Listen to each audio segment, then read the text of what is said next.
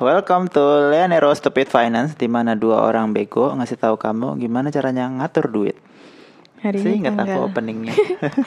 Hari ini tanggal 27 September jam 9 malam. Ya. Nah, kita kita kemarin habis nonton Raditya Dika Iya, yang ngomongin kayaknya soal, aku nonton dua kan dua eh, episode dia. saham sama reksadana kan. reksadana. Dan kayaknya yang reksadana sih ya yang yang paling ngena banget ke anak-anak muda. Iya. Jajaran anak-anak muda karena emang sangat simpel banget kan, cukup cukup login terus pakai GoPay kayak gitu juga bisa bayarnya. Dan beberapa hari ini setelah Raditya Dika upload itu kayak ada banyak orang ya lumayan lah ada beberapa orang yang nanya-nanya soal investasi ya ke Iya, kamu ya eh. Dan padahal aku kalau ditanya soal reksadana, suruh milih reksadana yang kayak gimana, reksadana apa, itu tuh aku beneran blank. Karena Iya karena investasi aku yang yang reksadana, handle. Dan kebetulan juga aku tuh pakai bibit gitu jadinya sama kayak Raditya Dika ya. Eh, sama sama kayak yang kemarin di post sama Raditya Dika. Dan ini aku udah pakai kurang lebih berapa bulan ya? Beberapa bulan lah ya dua. Tiga, tiga. baru baru dia Iya, tiga, bulanan lah ya. Jadi kayaknya itu yang paling Bulan cepat kita tiga eksekusi dibandingin sama saham ya. Iya karena waktu itu lagi ada problem kan akun iPod kita. Jadi kita tuh juga eh, dua-duanya ya kita pakai Iya. iPod yang di yang di post sama Rek si Radit Radit yang itu, pertama itu, heeh, yang saham, iPod, iPod. sama yang Bibit juga kita dua-duanya pakai. iPod tuh gitu. kita dari aplikasinya masih jelek. Udah sampai pakai. akhir-akhir ini tuh mulai dia Iya, update update, update terus, gitu. mm. Oke, sekarang kita langsung ngomongin soal reksadana aja. Ya. Jadi aku tuh dulu salah paham. Aku pikir kan kayak reksadana itu eh yang main itu orang sembarangan gitu loh. Jadi aku tuh takut banget masuk reksadana. Apalagi waktu itu kan si Joska kan ya Iya, itu kayak- gempar banget untuk ngomong daripada main ke reksadana sekalian aja eh, hold saham sendiri kayak gitu gitulah intinya tuh mending terjun sendiri. Kamu yang bisa handle keuanganmu sendiri daripada dipercayakan ke orang. Nah nanti kalau misalnya manajer investasinya tuh kabur gimana gimana kayak gitu kan. Nah intinya aku kemakan lah. Waktu itu takut gitu loh. Tapi semenjak kita berusaha beli saham terus kita eh, akunnya agak error gitu kan. Terus akhirnya aku mulai cari-cari info soal reksadana tuh apa kayak gitu kan. Dan reksadana itu ternyata juga nggak se apa ya tuh brutal yang diceritain gitu loh sama Joska bahwa eh, MI-nya tuh ngawur lah segala macam kayak gitu kan. Ternyata itu orang-orang yang handle uang kita di reksadana pun itu benar-benar orang-orang yang terpilih juga dan mereka ada sertifikasinya juga. Terus juga kita bisa lihat kok eh, track recordnya mereka tuh kayak apa dana yang di hold seberapa banyak dan so far selama berapa tahun ini dia berdiri itu dia bisa menghasilkan return berapa banyak juga kayak gitu justru malah kayak lebih apa ya termanage lah kalau reksadana tuh sebenarnya ya dibandingkan sama saham. Kalau saham tuh kan benar kita harus apa ya kayak tahu kan fundamentalnya terus ini perusahaannya tuh kayak gimana laporan keuangannya terus segala macam kayak gitu. Pokoknya benar-benar harus kita tahu Saham tuh soal kayak lebih bisa perusahaannya itu. ditinggal kayak gitu ya. Iya kayak gitu kalau sebenarnya reksadana juga sama sih ditaruh Eh, iya, dan ditinggal reksadana, juga maksudku reksadana taruh dan ditinggal. Gitu. kalau saham itu kan kayak dia masih apa ya? eh, cuma bisa ke satu perusahaan kan.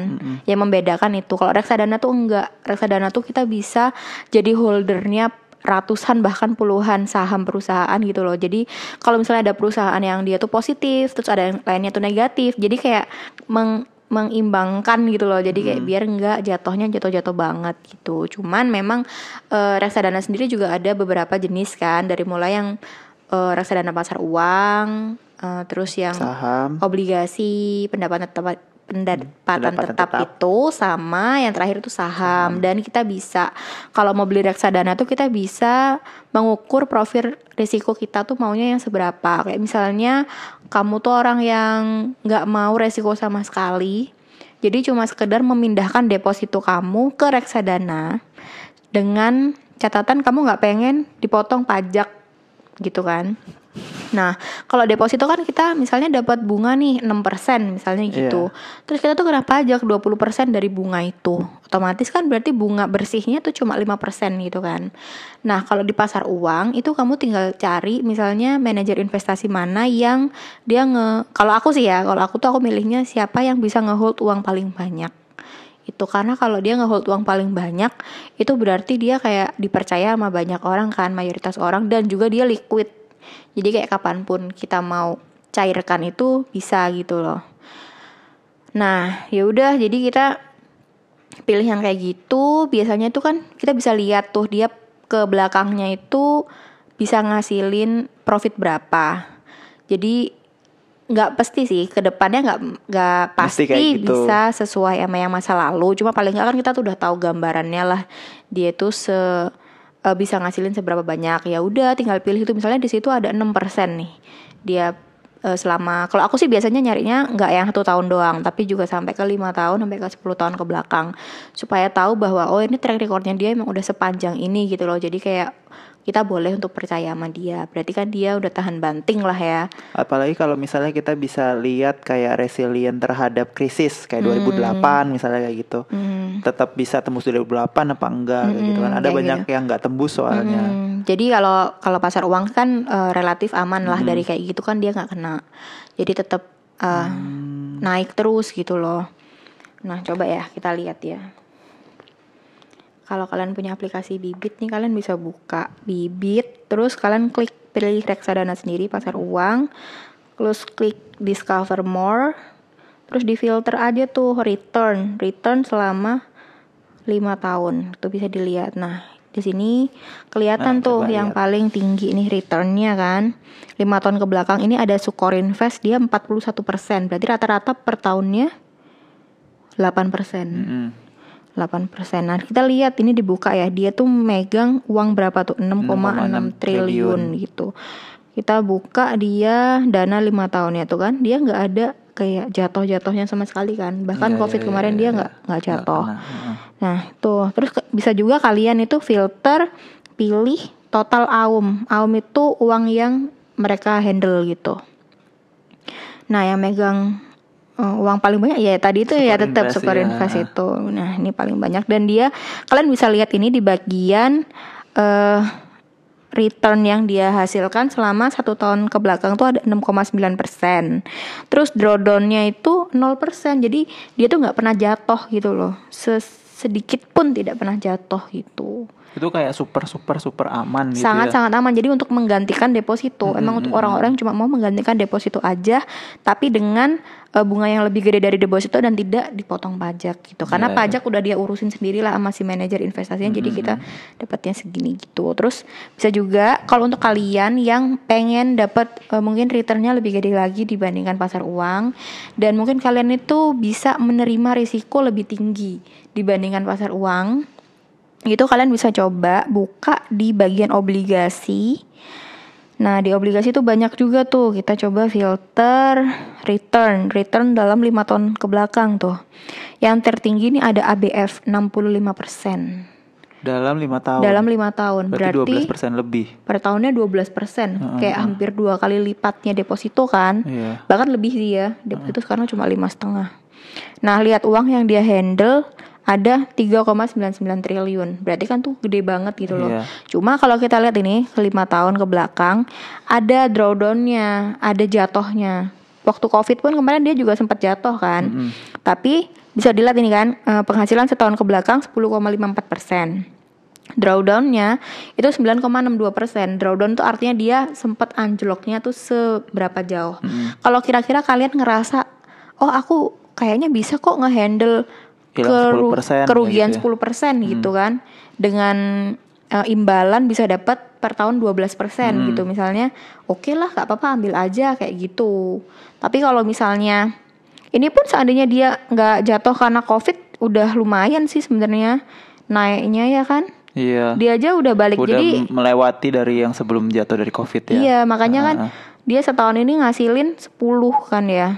Iya, padahal tahun jatuhnya ini cuma 8 cuma 8 setengah gitu loh jadi dia udah udah recover dari covid Oh. gitu tapi dia sempat jatuh cuma dia recover Iya, iya. tuh nah ini juga ada sebenarnya aku yang yang aku ini kemarin sempat apa ya kayak kaget bukan kaget sih kayak amazed gitu itu ada dana mas stabil. Jadi dana mas stabil itu dia kayak lurus banget gitu loh, kayak pasar uang. Hmm. Selama lima tahun ini penghasilannya 43,2 Jadi ya kayak pasar uang sih ya aslinya. Iya, iya, iya. Kayak Sukor Invest tadi kan juga 40-an persen gitu. Jadi per tahunnya 8 persenan lah ya. Dan dia tuh gak ada jatuhnya. Jadi drawdownnya tuh kayak hampir nol gitu loh. Ini ada sempet jatuh dikit 0,09 persen. Jadi kayak hampir nggak nggak ada sama sekali aslinya gitu. Nah dia tuh dalam satu tahun ke belakang kelihatan ya 0,09 itu ya. Iyalah itu loh kayak dikit banget tuh di bulan Juli kemarin.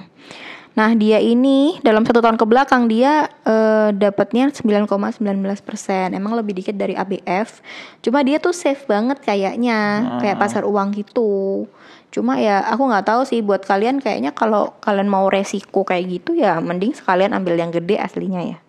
Kalau terima resiko kalau misalnya mau yang resikonya kayak pasar uang ya kenapa nggak ambil pasar uang aja? Yang harus dipikir sih aslinya kayak eh, yang ada di dalam bibit ini itu bukan sembarangan. Iya, yang membedakan Iya, itu si bibit sama aplikasi lain. Kalau di aplikasi lain tuh kan kayak eh, semua, Semua reksadana dimasukkan. ada. Jadi orang-orang tuh masih mungkin bisa masuk ke reksadana yang masih baru-baru banget Hmm. eh, dan yang belum apalah nggak nggak bisa kelihatan track recordnya tuh masih belum panjang gitu loh. Iya. Nah kalau di bibit emang udah disaring sih untuk meminimalisir orang-orang yang komplain kan pastinya Hmm. dan untuk pemula juga jadi kayak ngerasa aman aja loh wala- walaupun aku nggak ngerti-ngerti banget misalnya gitu kamu eh, ke bibit aja tuh aman kok kayak gitu sih. Terus Terus, saham. Yang terakhir ini yang emang lagi lagi murah banget sekarang itu saham. Cuma memang ini apa ya? High risk, high kayak return. high, high risk banget, high risk banget dan high return dan emang kayak hampir-hampir mirip sama main saham beneran sih aslinya. Maksudnya kayak kayak invest di saham beneran gitu loh karena di sini tuh kita bisa pegang puluhan dan bahkan ratusan ya eh, ak- eh, saham kepemilikan saham itu di handle sama si manajer investasinya tadi Iya. Terus kita yang mendanai gitu. Jadi kita tuh sangat terpengaruh sama pergerakan saham bursa saham gitu. Nah dari saham ini sendiri tuh ada beberapa manajer investasi. Nah yang lucu tuh saham tuh kalau misalnya obligasi kan kayak eh apa ya pergerakannya tuh mirip-mirip lah anggapannya gitu. Mirip-mirip yang bisa dibandingin loh kecuali yang tadi ya dana mas itu Dana mas kayak itu agak pasar uang. aneh. karena dia nggak nggak jual beli dia cuma dari returnnya itu aja bonds yang dia pegang nah kalau saham ini tuh eh, kalian bisa pilih terserah kalian kalian mau ngikutin indeks saham apa misalnya kayak indeks 30 IDX 30 itu kan jadi nanti pergerakan reksadananya itu ngikut sama IDX 30 pokoknya terus kayak kayak pergerakan saham itu reksadana saham itu sangat dicerminkan dari IHSG gitu loh. Kalau IHSG itu lagi naik, lagi hijau gitu, lagi apa ya? Naik itu. Iya lagi bullish. Ya, itu dia kita bakal harganya naik gitu kan. Kalau itu turun ya kita turun juga. Nah, beberapa hari ini kan IHSG lagi di bawah 5000 nih. Mm-mm. Itu sebenarnya banyak orang yang ketakutan gitu loh kayak Kayak langsung cabut uangnya Iya langsung semua. langsung dijual aja. Padahal kan kalau misalnya turun itu kamu nggak rugi asal kamu nggak jual tuh kamu nggak rugi gitu loh jadi nggak usah takut takut banget gitu juga gitu. ini pun kondisi portoku juga lagi minus karena IHSG lagi turun padahal aku kan masukinnya dana kebanyakan kan bulan lalu dua bulan ke belakang di mana saat IHSG lagi recovery dari covid kan. Dan sekarang dia anjlok lagi terus jadinya minus gitu. Tapi ya it's okay kalau ada uang justru malah beli lagi aja kalau ada uang loh ya uang yang benar-benar nggak kepake. Oke, kita bahas saham. Jadi kalau kita buka saham, itu kita discover more, filternya returns 10 tahun. Eh, nggak ada ya, 5 tahun ke belakang. 5 tahun ke belakang. Ini yang paling tinggi ada Sukori Invest lagi. Sukori Invest Equity Fund. Dia ngehold eh nge- ngehold lagi ngehandle uang 1,62 triliun. Dan dalam satu tahun ke belakang dia tuh minus 18,97 persen. Ya ini tapi tetap aja dia eh, hitungannya masih recovered dibandingin sama jatuhnya covid kemarin kan. Masih proses recovery tapi anjlok lagi Sempat- gitu kemarin. Sempat drawdown sampai 38 persen. 38,73. Kita tahu lagi rendah-rendahnya gitu baiknya pas 38% lagi rendah-rendahnya itu ya kita beli kayak gitu ya kayak Hmm, sekarang justru ini kan sekarang ini lagi lagi rendah ini. Heeh. Lagi jatuh gitu loh dia. sekarang harganya masih 1700-an ya ini Mm-mm. Coba kita lihat 10 tahun ke belakang ya. Oh, belum ada dia. 5 tahun ke belakang itu return dia 83,7. Berarti 83,7 bagi 5 tahun 16-an returnnya berapa? 16-an 16 persen. Tetap tinggi kan? Iya, tinggi 16 persen per 16%. tahun gitu. 10% lebih daripada deposito Iya, 16 persen per tahun ya. kalau kamu misalnya punya 10 miliar gitu tahun depan kamu dapat 1,6 miliar Iya. Iya itulah makanya namanya high risk, high, High return, return. ya kan.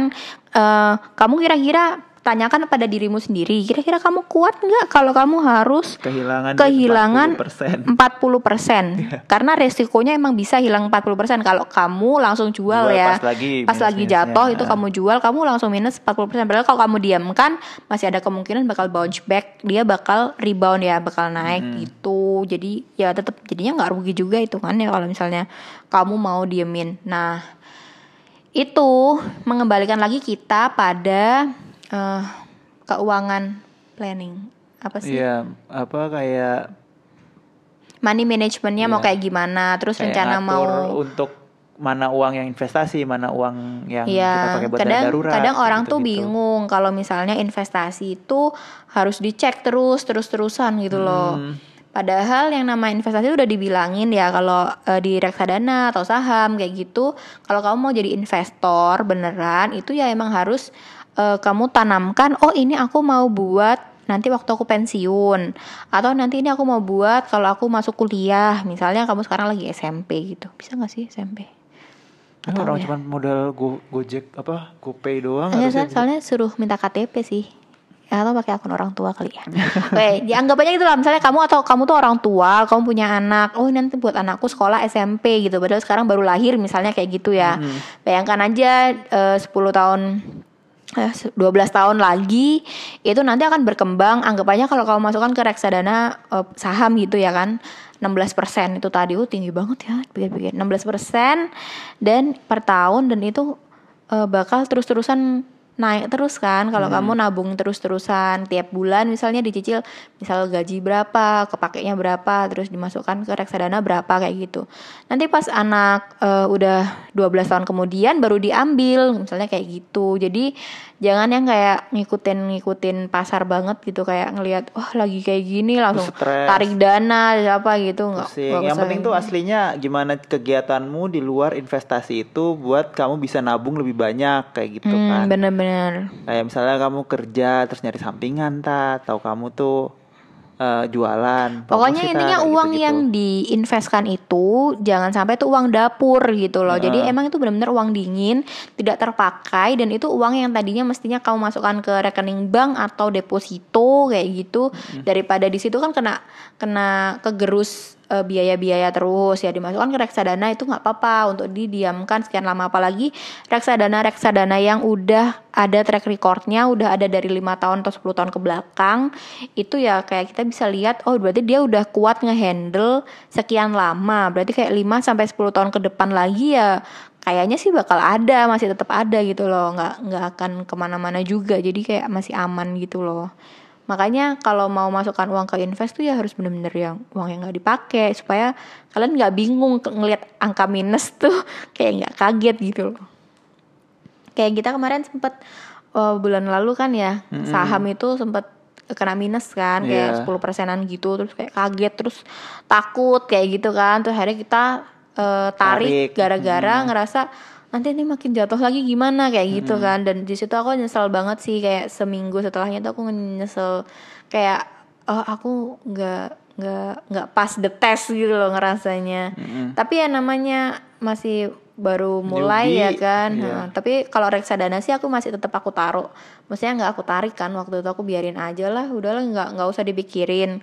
Apalagi kan kita uang yang dimasukkan ke sini tuh harus emang uang dingin yang emang kita rencanakan untuk 5 10 tahun lagi ke depan baru mau kita pakai gitu loh. Soalnya kalau masuk di rekening bank kan kayak gampang banget kan keluarnya kan uangnya. Kalau misalnya di reksadana gini anggap udah kekunci udah anggap aja nggak ada kayak gitu sih Kayak kayak yang kemarin kamu bilang kamu share ke aku itu kan soal eh, saat ini atau kamu misalnya dua bulan tiga bulan itu sangat mungkin kamu kegerus sama kerugian kayak gitu kan. Tapi nanti setelah dua tahun, tiga Iya, tahun, empat tahun itu makin resilient uangmu, makin minusnya tuh makin susah gitu kenanya. Jadi yang penting tuh makin lama kamu di dalam market itu ya makin bagus. Jadi eh, gini kan namanya market itu ada ada naik, ada Iya. turun, naik turun. Nah, kita kan wa- wajib makanya kita tuh jangan masukin uang langsung di awal gitu jangan.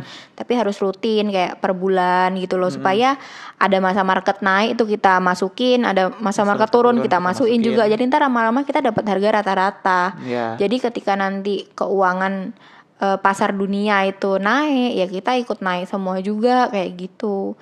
Jadi kalau masukin apa ya kayak bisa dibilang lima bulan pertama lah itu bakal naik turun naik turun banget emang. Tapi nanti setelah itu berangsur MI-nya juga pasti dia kan ngatur-ngatur entah gimana cara kan saham ini saham itu jual beli segala macam. Dia yang mikir gitu loh. Kita cuma diem aja dia mikir dia pasti juga pengen untung kan. Makanya MI itu juga pasti harus pinter kan dalam manage investasinya itu tadi makanya ya udahlah kita percaya aja sama dia biar dia yang mikir biar dia yang jual beli kita tuh diem aja gitu kan itu sih positifnya reksadana tuh itu kan jadi kayak ada orang yang dibayar untuk dia tuh trading kitanya enggak kitanya udah kita cuma nabung Harusnya aja kita tuh nggak gitu. nggak ikut pusing. Nggak usah ikut pusing, nggak usah ikut lihat naik turun uang atau segala macam. Tapi kalau aku sih memang tetap lihat eh, naik turun ketika mau top up. Jadi kalau aku mau top up tuh aku biasanya nunggu di hari Jumat karena biasanya hari Jumat itu merah. Artinya merah itu dia minus dari kemarin. Berarti kan harganya lebih murah gitu loh hitungannya Iya, kayak diskon. diskon gitu. Cuma eh, dua minggu ke belakang ini, ini udah minggu ketiga sih berarti sekarang itu malah eh, minusnya di hari Kamis. Dan Jumatnya malah hijaunya tuh rebound tinggi lumayan lah dibanding Kamisnya. Jadi kayak kalau kamu mau day trade gitu lumayan ya dapat 3% gitu kan. kalau masukin Kamis dikeluarin Jumat kayak gitu. Ya itu sih. Jadi harus kuat-kuat mental banget ini aku udah Bayangin berusaha aja kalau banget kalau sih. kamu bakal kena 40% di kepalamu 40% kayak gitu. Misalnya iya. kamu cuman punya punya uang 10 juta gitu Iya. tiba-tiba tinggal 6 tinggal 6 juta gimana rasanya kayak Iya. gitu ya. Tapi kalau memang kamu mau take the risk Karena, dengan dengan nanti kalau misalnya udah rebound, pasar udah membaik, kamu bisa dapat 16%. per tahun Heeh, ya. Jadi dari uang 10 juta nanti dapat 1,6 misalnya kayak gitu kan per tahunnya. Ya terserah kamu sih worth it atau enggak kayak gitu Iya, kan. Nah, makanya kalau aku kalau aku sih awalnya dulu aku milih banyak banget reksadana kan karena aku kan kayak pengen tahu reksadana Udah mana rek- yang paling udah bagus reksadana kayak gitu. diindeksin juga ya, milihnya banyak. Iya. Terus eh, setelah setelah aku kayak gitu aku mikir lagi kan kayak ngapain aku banyak-banyak reksadana kayak gitu loh. Jadi ada reksadana indeks, ada reksadana apa ya waktu itu obligasi apalah macam-macam, terus ada pasar uang juga, terus ada eh, saham juga gitu kan. Tapi setelah aku lihat-lihat kayaknya aku nggak suka deh kalau banyak-banyak gini karena apa? Karena ketika satu reksadana tuh positifnya banyak, misalnya kayak dia udah profit nih 5% gitu ya. Reksadana yang lain itu ada yang minus 2, ada yang minus 1 kayak gitu loh. Jadi kayak udah reksadana di reksadanain juga ngerti gak sih Iya, maksudnya? di, udah di reksadana diindeksin lagi. Iya, gitu kan. jadinya tuh nggak maksimal profitnya gitu. Akhirnya gara-gara dengan berbagai macam pemikiran, akhirnya aku sekarang reksadana aku tinggal dua. Jadi aku ada dua tabungan, reksadananya sih banyak sih. Tapi nggak banyak-banyak, nggak nggak ba- nggak sebanyak yang pertama. Waktu pertama dulu tuh sampai belasan gitu aku pegang. Nah sekarang aku cuma pegang kalau yang di reksadana tabungan, tabungan itu kayak mau aku diemin eh lama, selama mungkin yang aku mau. Tapi kalau misalnya ada apa kayak nggak tahu gimana kita harus segera ambil kayak gitu sih bisa kayak gitu loh. Tapi enggak sih nggak tahu apa yang aku pikirin deh. Aku juga bingung ya aku milihnya kenapa ya? Aku tuh nggak nggak ada pasar uangnya. Yang di tabungan itu aku cuma ada obligasi sama saham. Berarti dua-duanya high risk, high risk lumayan, dua-duanya iya. Di tabungan tuh berarti aku mikirnya apa ya bukan buat ngambil juga sih soalnya kita tabungan juga masih ada kan. Iya, ada dana darurat kan udahan. Iya. itu kenapa ya tabunganku? Ya aku cuma pengen pilih-pilih aja sih yang high risk banget gitu. Itu di tabungan terus sama yang dana pensiun itu ada. Jadi ada robotas listnya kan di bibit itu. Jadi nanti yang milihkan itu dia. Kayak kamu uh, masuk investor yang apa? Nanti ada kuesionernya kan untuk tahu kamu tuh bakal kuat apa enggak kalau misalnya kena minus gede. Terus kamu tuh bakal uh, kuat atau enggak untuk dapat uh, apa namanya tuh kayak return kecil. ya return kecil kayak gitu. Kamu lebih intinya lebih condong ke mana gitulah ya udah untuk yang robo itu aku percayakan sama bibit ya kan untuk prosentasenya. Tapi untuk reksadanya aku tetap milih sendiri. Jadi kayak misalnya pasar uangnya tuh apa aku pilih sendiri. Obligasinya apa aku pilih sendiri. Sahamnya juga aku pilih sendiri gitu. Cuman uh, aku emang milih yang kalau untuk yang pensiun ya yang pensiun aku milih yang dia itu udah ada pengalaman sampai kayak 20 tahun ke belakang kayak gitulah. Nggak tahu ya 10 lebih lah pokoknya belasan tahun ke belakang. Ada juga yang saham yang survive di krisis 2008 kayak gitu. Itu juga aku pilih kayak gitulah pokoknya. Jadi ada dua kalau yang bawaan dari bibit itu ada tiga jenis tadi ada yang satu pasar uang sekian persen. Ya aku lihat ya berapa persennya ya. Jadi kalau yang dari bibit nih pasar uangnya tuh aku 10%, obligasinya 48% sama yang sahamnya 42% tuh juga tinggi-tinggi banget sih aslinya ya. Aku pasar uang tuh hampir kayak hampir hampir nggak mau gitu aslinya cuma diwajibkan kan sama Iya, bibitnya. Cuman gara-gara pasar uang itu paling oh diwajibin bibit ya. Iya, jadi tiap-tiap itu wajib itu. ada. Heeh, Jadi untuk jaga-jaga gitulah. Jadi kalau kalau dengan kayak gitu tuh meminimalisir minus sebenarnya meminimalisir kerugian karena apa? Misalnya kamu ruginya tuh di saham, tapi kamu masih masih bisa keangkat sama obligasi sama pasar uangnya misalnya kayak gitu. Nah, sedangkan waktu pilih sendiri itu benar-benar kalau high risk ya high risk semua kan. Kayak ini aja aku minusnya paling banyak di tabungan karena tabunganku tuh yang high, High risk. risk. Tapi di total-total tabungan sama dana tabungan ini eh tabungan sama dana pensiun itu minusnya 2%. Minusnya 2%. Kalau sebenarnya kamu mau masukin ke deposito memang untuk eh low apa sih itu sebutnya? Low risk.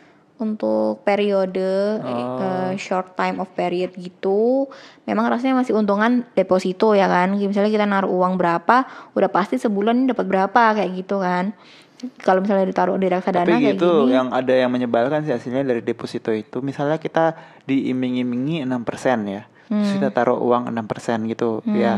Eh tiba-tiba bulan depan dia bisa aja ngomong bunga lima setengah. iya karena ngikutin BI kan Ya, terus ya ya ya ya udah. Iya kayak mau gitu. gimana lagi Iya. gitu. Hmm, emang emang berubah terus sih.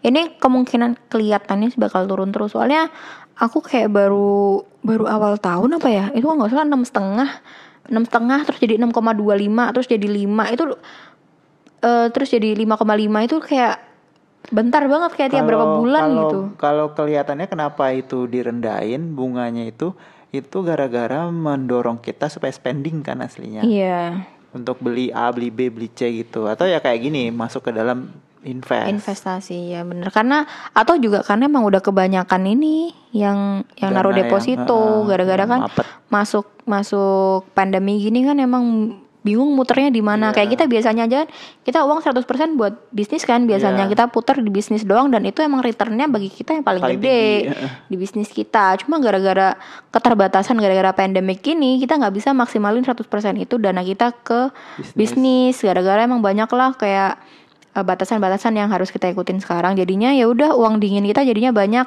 dan kita bingung daripada uang dingin itu ngasilin eh apa ya kayak kena biaya-biaya terus ya udah kita taruh aja ke sekalian belajar untuk investasi juga Aku sempet itu kemarin nonton soal videonya Two Cents itu kan soal ngebahas soal Warren Buffett nantang eh, manajer investasi yang satuan kayak gitu dia beli saham jual saham kayak gitu itu ditantang sama indeks. Coba kamu sama indeks aslinya bagusan mana kayak gitu. Terus si orang ini rata-rata selama 10 tahun si Warren Buffett Warren Buffett-nya itu nga- ngajak taruhannya selama 10 tahun.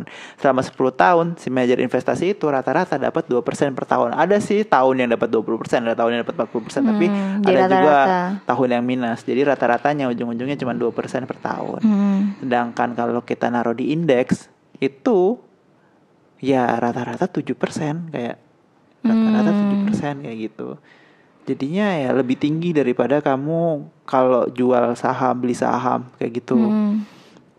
Nah, apalagi kan emosional kita kan ya susah Apalagi gitu. indeks itu kan emang udah ada kayak eh, kriteria-kriteria sendiri kan, Iya. makanya saham itu bisa masuk ke dalam indeks gitu kan. Makanya aku juga untuk saham, aku full taruhnya juga emang di indeks doang, karena indeks itu semacam kayak anggap kayak IHSG gitu kan. Kalau IHSG kan keseluruhan saham yang ada di Indonesia. Iya. Jadi kalau yang IDX 30 itu kan eh, 30 30 yang 30 dianggap saham terbaik, pilihan terbaik gitu dari kan.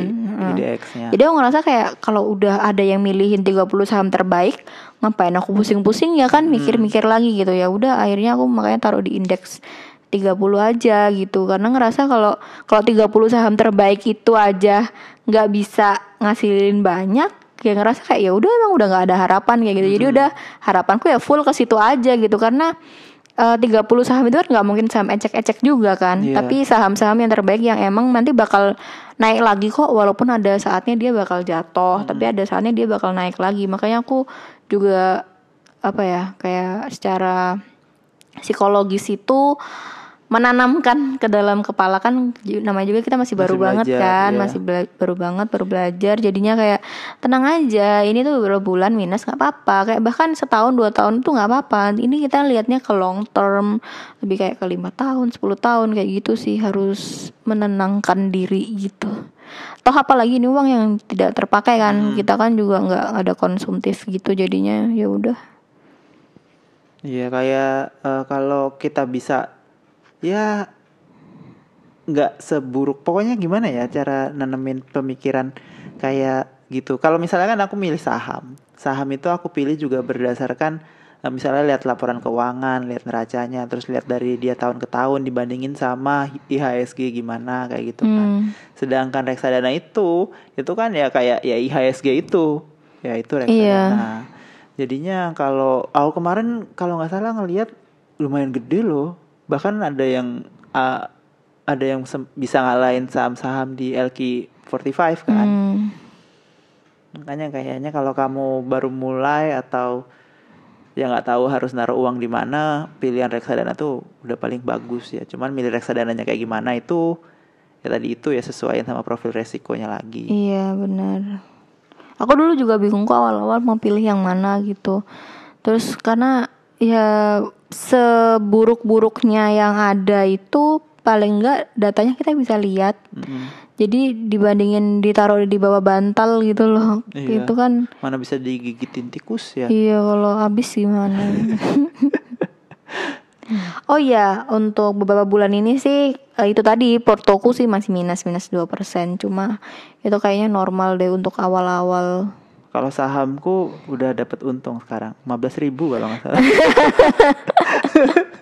paling nggak nggak minus ya berarti. ya sempet Soalnya kan kamu baru masuknya juga baru waktu jatuh kemarin Baru jatuh kan. kemarin. Soalnya kemarin kan sempet yang itu loh tadi Iya, ditarik iya, semua yang ditarik gitu. gara-gara takut. Mm-mm. Tapi waktu itu pun juga sempat nggak minus tapi juga nggak profit ya. Itu gara-gara takut apa sih waktu itu pengumuman kuarter kedua ya? Iya pengumuman ini em, keuangan PDB. Iya. Ya PDB itu namanya. GDP eh, apa? Eh, GDP ya. Nah, turun Eh, nanti November ada 5%. lagi. Iya, November ada lagi. Jangan takut. Jangan takut. Iya. Kalau kalau menurut ini proyeksinya sih ramalannya minus 1,7 katanya. Dan bakal masuk resesi. Dan kalau udah masuk resesi ya udah masuk aja. Ya udah, bodo amat juga lah, uang nggak kepake juga. Masa tiba-tiba gara-gara resesi gitu?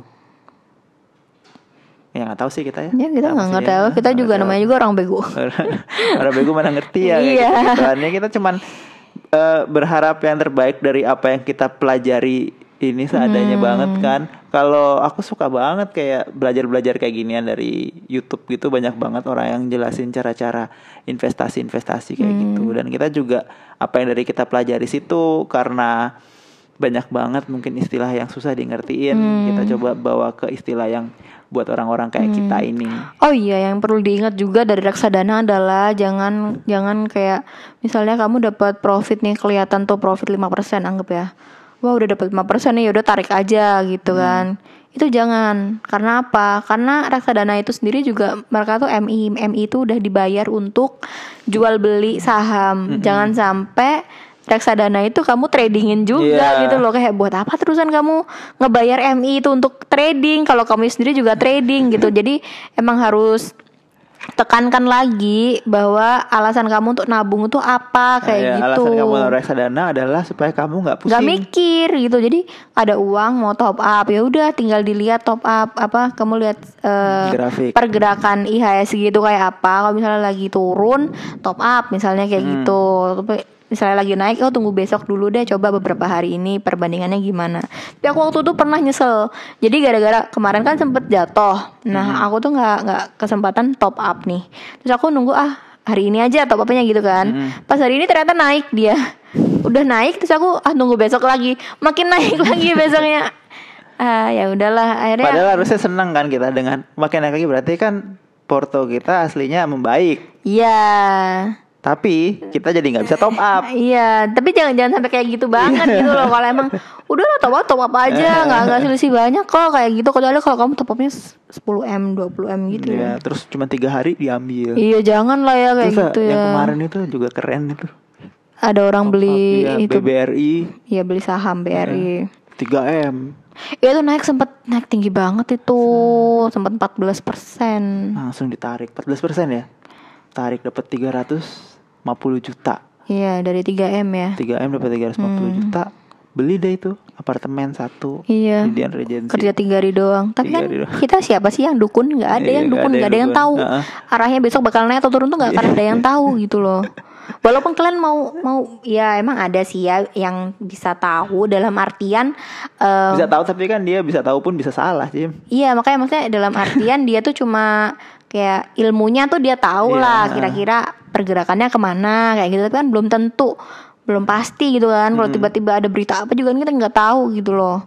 Terus tiba-tiba anjlok atau gimana. Makanya tetaplah fokus sama pekerjaan utamamu. Udah itu itu yang aku dapat sih kemarin. Soalnya eh, ngerasa invest invest invest- gini tuh invest gini. dipikir Terus kita nggak awalnya apa-apa. awalnya aku kira tuh invest tuh dapatnya banyak kan. Awalnya aku kira kayak wah lumayan ya 10% kayak gitu kan. Nah. setelah aku bandingin sama kerjaan utama kita tuh hah? Ternyata nggak ada apa-apanya gitu loh. Kayak kita ngabisin waktu seharian buat ngeliat grafik buat kayak gini tuh ternyata hasilnya cuma nggak ada apa-apanya dibanding kerjaan benerannya kita gitu loh jadinya Itu kan salahnya dari kerjaan kayak gitu adalah kelamaan kayak gitu kan, Hmm. nentuin terus eh, panik. Iya, padahal kalau untuk trading beli. itu yang boleh Padahal nge- uang kita mengawasi kayak gitu-gitu ya cuma orang-orang yang ngehandle uang miliaran banyak-banyak lah iya, kayak gitu. kayak, kayak uang kita berapa sih? Iya. Kalau mau ditaruh semua terus nunggu itu naik ya tetap aja nggak bisa dapat banyak, nggak bisa Iya bener, apa, kayak iya gitu. bener banget.